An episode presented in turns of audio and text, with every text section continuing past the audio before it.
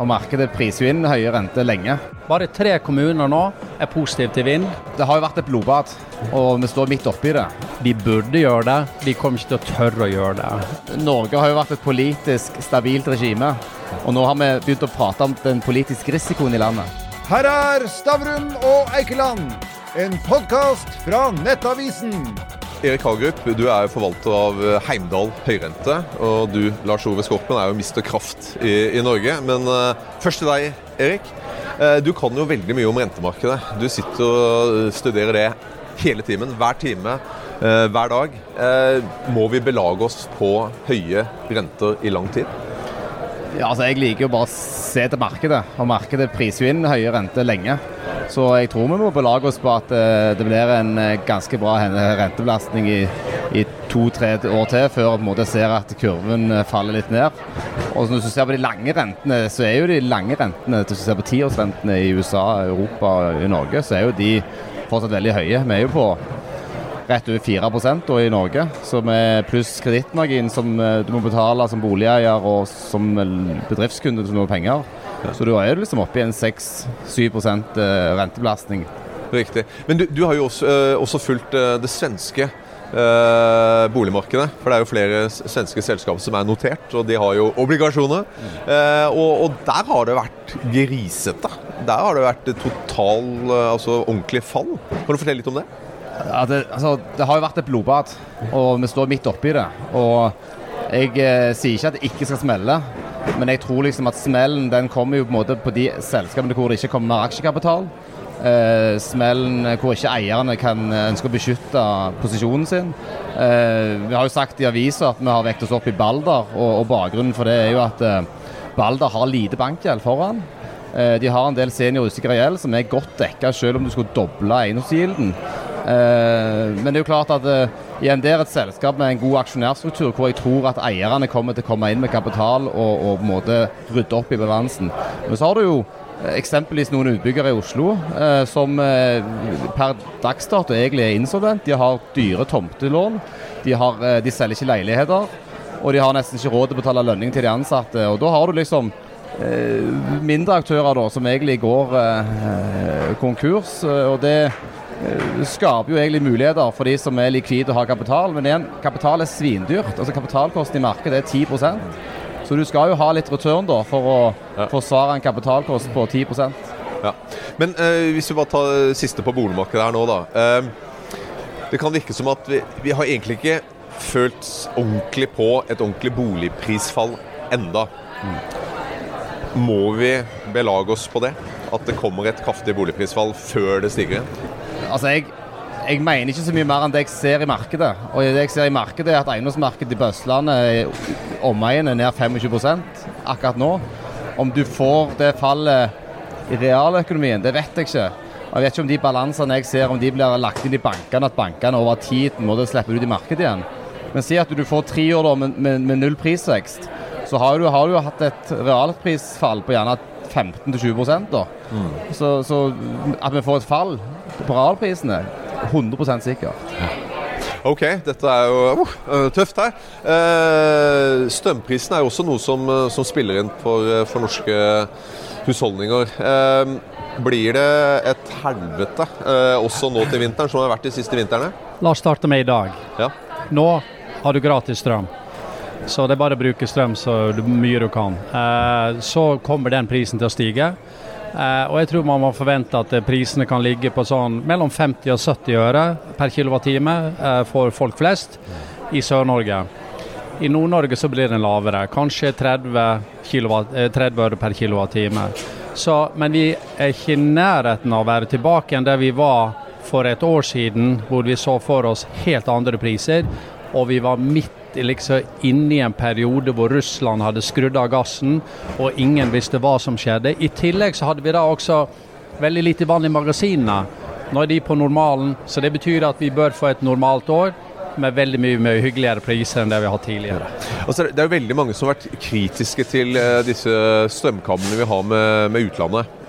Um, Christian Rynning Tønnesen, Statkraftsjefen, han var hos Stavre Meikeland eh, for en måneds tid siden. Han mente at hvis vi ikke hadde hatt det, så ville vi over tid nå ha hatt for dyre strømpriser Uh, er du enig med han at uh, Altså- strømkablene er bra? Ja, så er helt klart det er bra. Uh, fordi at da er vi integrert i et mye større system. Uh, som gjør at uh, på en måte f.eks. sjansen for at vi havner i en rasjon rasjoneringssituasjon er mye, mye mindre. Men jeg tror også det er fair å si at iallfall i det korte bildet så gjør det kanskje at strømprisene er noe høyere enn hva den ellers ville ha vært. Men øh, vi er jo øh, sånn best i klassen når det gjelder det grønne skiftet i Norge. Uh, Egentlig ikke. Ja, nei, men ok, Vi, vi prøver å, å å- Vi liker iallfall å tro det, da. ja, å si det sånn. ja. Og, og, sånn. Og, og det er klart det er jo mange øh, grønne ting som skal investeres i. Mm. Eh, og, og mye av disse trenger jo kraft og energi. Eh, har politikerne vært for dårlige til å se konsekvensen av sine vedtak? Så de, at vi, vi, vi har ikke bygd ut nok kraft rett og slett til å Ja. gjøre det? Absolutt. absolutt. Jeg mener Det er et kjempeproblem.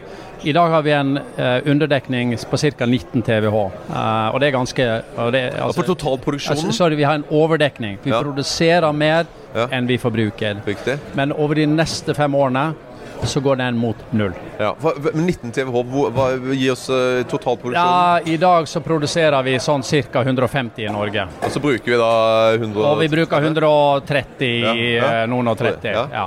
Så du kan si at eh, eh, her kommer forbruket til å øke kraftig. Fordi at vi skal elektrifisere, vi skal ha hydrogen opp, vi skal ha datasenter etc. etc. Men produksjonen følger ikke etter fordi at eh, det går for sakte. Det er ingen som vil ha vind f.eks. i deres kommune. Bare tre kommuner nå er positive til vind. Og det er to helt oppe i Finnmarka, Lebesby og Gamvik. Og Utsira, Norges vestligste kommune. Så det er jo litt stusslig. Flere av kommunene må komme på banen og være positive til vind. Al altså Må staten rett og slett gå inn og så si at vet du hva eh, Forstår at ikke dere har lyst på det, men jeg må. De burde gjøre det, de kommer ikke til å tørre å gjøre det. Eh, svenskene diskuterer akkurat det nå. I Sverige er det akkurat det samme. Åtte av ti prosjekter går i vifta pga. kommunal veto. Og de ser at det her, det her kan ikke fortsette. Vi er nettopp begynt med det regelverket, men igjen, vi har 356 kommuner i Norge. Tre er positive. Det sier seg selv, det holder ikke. Ja. Men jeg tror flere kommer. Jeg tror Ja. flere kommer. Altså Det er jo mulig at det blir en ledig stilling i, i Høyre som leder her, så om to år til så kan du bli statsminister, så kan du tvinge Eh, disse det, kommunene til å tror det. jeg skal holde meg til det jeg kan. Du skal gjøre det? Ja. Nei da. Men, men én ting er jo vind på land, som jeg forstår at det, det trenger vi for å klare Og fort. Ikke sant? Ja. Ja. og fort, ja. Men så har du også diskusjon rundt havvind. Eh, der er det jo veldig mange som mener den blir altfor dyr. Eh, hva sier du til Det Det er dyrt, eh, så det er bare å kalle det bite i det eplet. Forhåpentligvis blir det billigere, fordi at eh, turbinprisene kommer sannsynligvis ned pga. supply chain bottlenecks kommer til å bli mindre. Uh, Kall det råvarepriser kommer til å bli lavere. Så jeg tror de skal ned.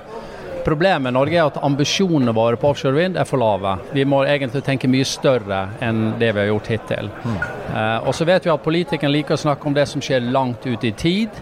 Eh, for det er mye mindre farlig å snakke om. Men de burde også tenke kortsiktig. Hva kan vi gjøre kortsiktig for å gjøre noe med, med situasjonen? Og da selvfølgelig offshore vind tar lang tid, men onshore går mye fortere. Ja, riktig. Uh, Erik, uh, så du driver et høyrenteobligasjonsfond. Uh, jeg tror ikke det er altfor mange som vet hva det er for noe. Hva betyr det? Det betyr at vi låner ut eh, selskap til industrien som har en eh, dårligere kredittrating enn eh, trippel B minus. Eh, når du er under trippel B minus, så er du på en måte high yield.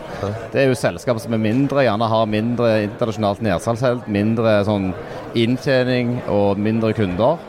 Men som betaler i snitt en totalrente på rundt 10-11% i dagens marked. Eh, som tilsvarer sånn eh, tre måneders Nibor pengemarkedsrente da, til pluss 5-6% Ja, riktig. Så, så eh, kort fortalt, du låner ut penger til selskaper som eh, Altså utover det de får i banken. For Ja. banken er jo billigere. Ja, så vi låner ut penger til oljeselskap, til shipping, til riggselskap. Og det som er litt fint nå med denne sektoren som vi er og besøker i dag, det er at eh, det har vært en sektor som har slitt med, med høye renter siden oljekrisen i 2013. Eh, det som skjer nå, er at de får låne billigere penger med at kredittmengden går ned. Og så har pengemarkedet kommet opp, som gjør at det, deres totale rentebelastning er jo den samme de har hatt i ti år. Og så har de hatt en kapitaldisiplin. Så jeg syns egentlig at det er en fantastisk bransje som går inn i et fantastisk marked. Og jeg liksom, som Stavanger-mann, da, litt glad for at uh, det er back in business. Ja, det forstår jeg. Men uh, altså, for, uh, for folk flest, altså, hva, risikoen med å investere hos deg, er, er, den, er den høy? For jeg husker jeg var jo megler i Pareto. Ja. Da var vi sammen megler i Pareto under finanskrisen. Og da var det ikke alt høyrente som gikk så veldig bra. Det gikk jo flere som gikk eh, Altså selskapet gikk konk, og obligasjonene gikk i null og, og sånn. Så men hvordan er risikoen nå? Er det Nei, risikoen er at 5% av selskapene du investerer i, er i en eller annen misligholdssituasjon løpende. Og så re recoveryen, da. Det er liksom det du sitter igjen med etter tap av de 5% er ca. 3% Så når du da har 10% rente og 5% som havner i, i, i, i, i på måte restrukturering, og du får 3% tilbake der, så har du en avkastning på 8 altså 2% i tap. Det er liksom kredittrisikoen over tid. Det er 2% i tap av de 10 det andre risikoen, som egentlig du kjenner på kroppen i perioder med, med, med, med sånn røffe meldinger, sånn som under koronaen, så forsvant jo likviditeten i markedet. Som kjør, førte til at eh, obligasjonsmarkedet blant annet, i løpet av et par uker falt med 20% fordi at Når du selger obligasjoner, så må du finne en kjøper. Når det ikke er kjøpere, så faller prisen. Ja. Og Det er den andre risikoen. Så jeg vil si at Den største risikoen i high yield-markedet i Norden er likviditetsrisken i perioder hvor mange folk samtidig trekker ut pengene sine. Ja. Og Den andre risken er jo da eh, konkursrisikoen, Ja. som vi kjenner til. For den har vi egentlig ganske god statistikk på. Ok, Så med andre ord, det er mer risiko enn bank, mindre risiko enn aksjer. Ja. Sånn. Men ok, vi, vi må jo innom uh, snakkisen som har vært uh, den siste uh, uken. Uh, Sindre og, og, og Erna. Uh, hvordan påvirker det politikerne har gjort nå, ikke bare Sindre Erna, men vi hadde jo hale he- regjeringa før det nesten, og så hadde du jo lakseskatten i fjor, fjor høst. Hvordan påvirker det klimaet på, på, på Oslo Børs? Lars Ove? Altså, her har jeg lyst til å holde meg til det jeg kan noe om, eh, og det er ikke så mye finnes eh, aksjehandler. Jeg kan derimot ganske mye om hva som skjer når du hiver inn 40% grunnrenteskatt over natta på en næring som heter vindkraft. Det er ikke bra. Da er det i realiteten mange i default, så du kan si at det er en politisk risiko som ligger i Norge, som de nå har en mulighet til å gjøre noe med ved å komme tilbake med et nytt forslag og smultring burde det være i grunnrenteskatt. Kanskje maks 25 som det man endte opp med på fiskesiden. Ja, riktig. Men, men, men så, Norge har jo vært et politisk stabilt regime. Og nå har vi begynt å prate om den politiske risikoen i landet. Og Den dis diskusjonen kommer jo mer og mer opp i dager. Og det er jo litt skummel utvikling. Ja, for Vi ser det jo på, på kronekursen. Altså Den er jo den begynner å bevege seg mot 11 eh, kroner på dollaren. Eh, altså hvor, hvor ille kan dette, kan dette bli? Nei, så Norge tjener jo alle tjent mer penger enn de gjør i dag. Altså Vi har en dollar på 10,70 og en oljepris på 95 dollar. Jo, men jeg tenker for folk flest. altså Nei, Reise til utlandet. Du reiser jo som bare, bare rakkeren. Ser du det? Så, på sosiale medier. Så, så ja, det må jo koste flesk. Ja, Det er ikke billig å dra på ferie. Men jeg tror liksom ikke du kan styre kronekursen etter hvor folk skal på ferie. Ja. Eh, vi har fortsatt en ganske god kjøpekraft internasjonalt. og Det er vel kun i New York eh, og eh, et par andre byer i verden du liksom føler deg fattig. Ellers så har du jo en ganske god kjøpekraft i store deler av verden. Ja, det er det er jeg enig. Men eh, et sånn siste råd, da. Hvilke råd har du til, til, til Sindre? Uh... Nei, altså eh, Råd nummer én er jo på en måte følg samme regime som oss i finans. Vi har jo ikke lov til å gjøre noen ting. Vi er jo under et veldig strengt regime, og jeg skjønner ikke at politikerne ikke hadde hatt det samme. Så mitt råd til sånne som Sindre er jo å, å hold litt det du kan. La oss eh, som holder på med det, gjøre jobben. Kjøp fond. og for, Forklar kanskje litt om kurtasje, hvordan den funker og sånn. Ja, Jeg tenkte på det, Hvis han har gjort, hvis han har gjort 3200 handler, og han har minstekurtasje på 100 kroner, da, så har han betalt 320 000 bare i kurtasje. Du fikk Stavrum og Eikeland, en podkast fra Nettavisen.